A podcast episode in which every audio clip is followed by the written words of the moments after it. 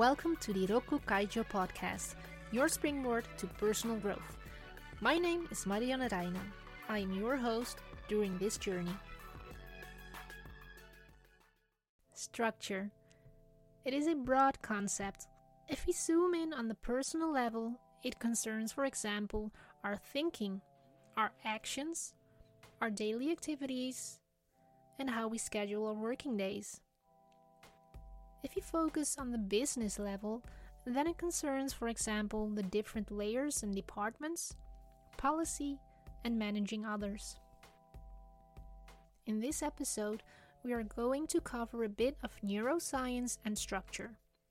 We are going to talk about two important networks in our brain the default network and the reward network. First, the default network. In fact, our brain never rests. The default network is activated when people are awake, but not specifically focused on external stimuli or a particular goal. The default network regulates inward thinking, self reflection, and the ability to imagine the past, the future, or alternate realities. The default network is crucial when it comes to understanding creative thinking and groundbreaking inventions. You may have heard of Google's 20% time policy. Employees are given 20% of the time to detach from their normal tasks and focus on their own creative projects. It was well known that unallocated time for creativity leads to growth in self sufficiency joy, and motivation. But if this unallocated time is allocated, is it still free or is it framed? And do these programs focus on quantity or quality? It seems to be mainly the first one, the quantity. Waytz and Mason, in their article for Harvard Business Review, suggest that a better approach would be to focus on the created quality of detachment. In other words, quality over quantity when it comes to leisure.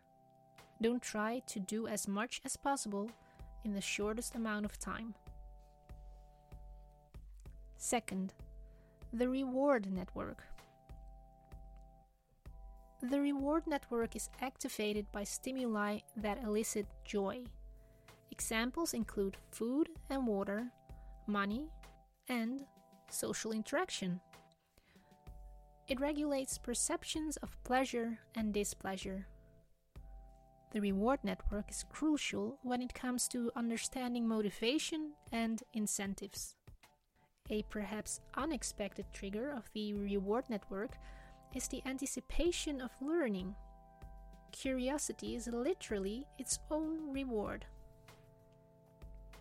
Colin Camerer and his colleagues at the California Institute of Technology conducted a study.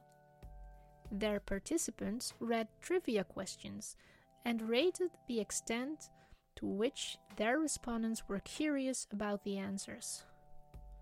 The stronger the participants' desire to find out the answers, the greater the activation in the reward network before they received an answer. Goals are, of course, great, but it is important to mention that the reward network seems to respond more positively to goals that are less strict. Very specific, challenging goals can actually be harmful. But why? Because they curb curiosity and hinder creative and flexible thinking. And when we think of habits, they can affect motivation in a negative way. Here the rule applies start with small steps and smaller milestones so you build a habit and get closer to your goal in a structured way. Rokku Kaijo's weekly tip a self test regarding the default network. How often are you really off? If you have free time to do something creative, what do you do actually? Think about this and feel free to share your findings with me by email or WhatsApp. Next week, two other networks in our brain will be discussed the emotional network and the control network. Thanks for listening to the Rokku Kaijo podcast. Tune in every Thursday for a new episode. More information and the latest news can be found on the website rokku-kaijo.com.